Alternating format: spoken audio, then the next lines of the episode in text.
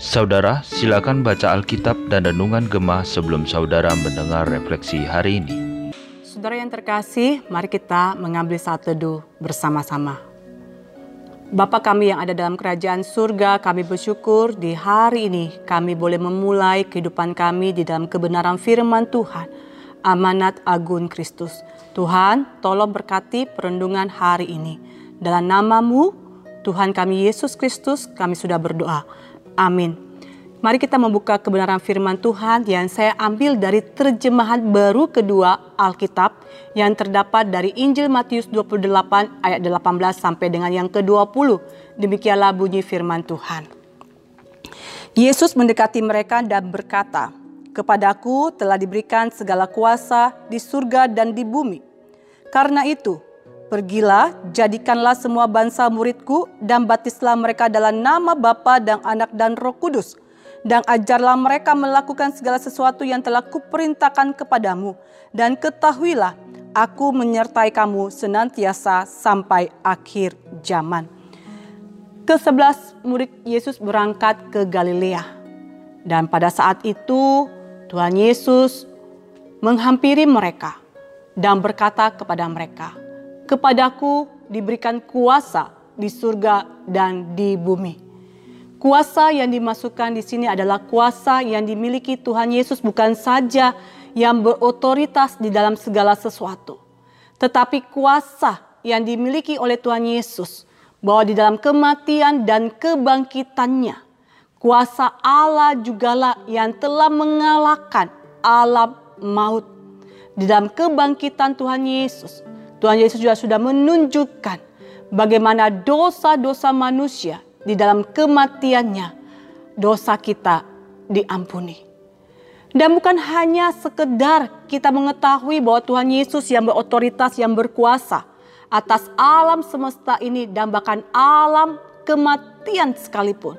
Tetapi dia juga Allah yang berdolat atas kehidupan pribadi lepas pribadi. Dia Allah ia berkuasa sebagai raja di dalam kehidupan kita. Dia berkuasa dalam hal yang terkecil maupun yang terbesar dalam kehidupan kita.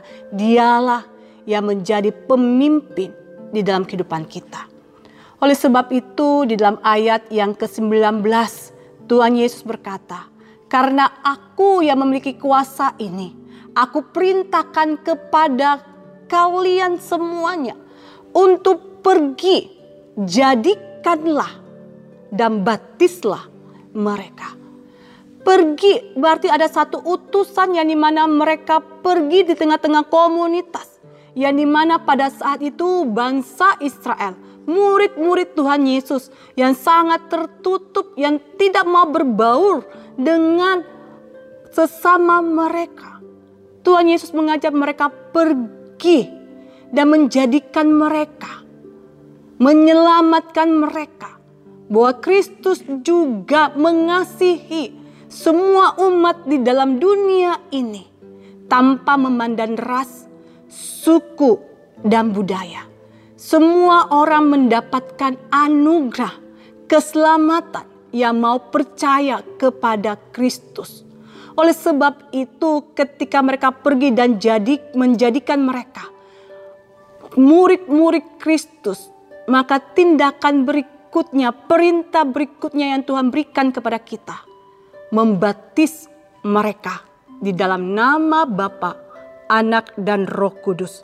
Karena di dalam batisan itulah, saudara, sebagai satu tanda pengakuan iman dalam Kristus dan sebagai perayaan atas pengampunan dosa kita. Batisan bukan hanya sebuah ucap upacara formal, tetapi juga merupakan suatu tindakan yang memperkuat iman kita dalam Kristus dan memperkuat persekutuan kita dengan sesama orang Kristen.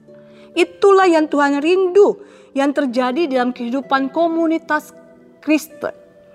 Sebagai pengikut Kristus, sebagai murid-murid Kristus. Dan pergi jadikanlah dan batislah tidak hanya sampai di sana ketika kita memberitakan Injil yang lebih dalam lagi sebagai satu tindakan berikutnya adalah di mana kita mengajari mereka. Di dalam ayat yang ke-20 Tuhan Yesus mengatakan ajarilah mereka. Kata mengajari ini adalah satu ajakan yang di mana kita mengajari orang-orang yang baru percaya, orang-orang yang baru mengalami pertobatan itu untuk lebih mengenal lagi kebenaran di dalam Kristus Yesus.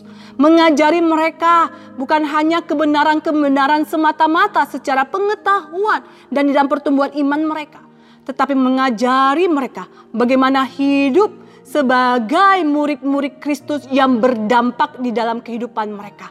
Menjadi contoh teladan, kesaksian yang hidup sebagai orang-orang yang percaya.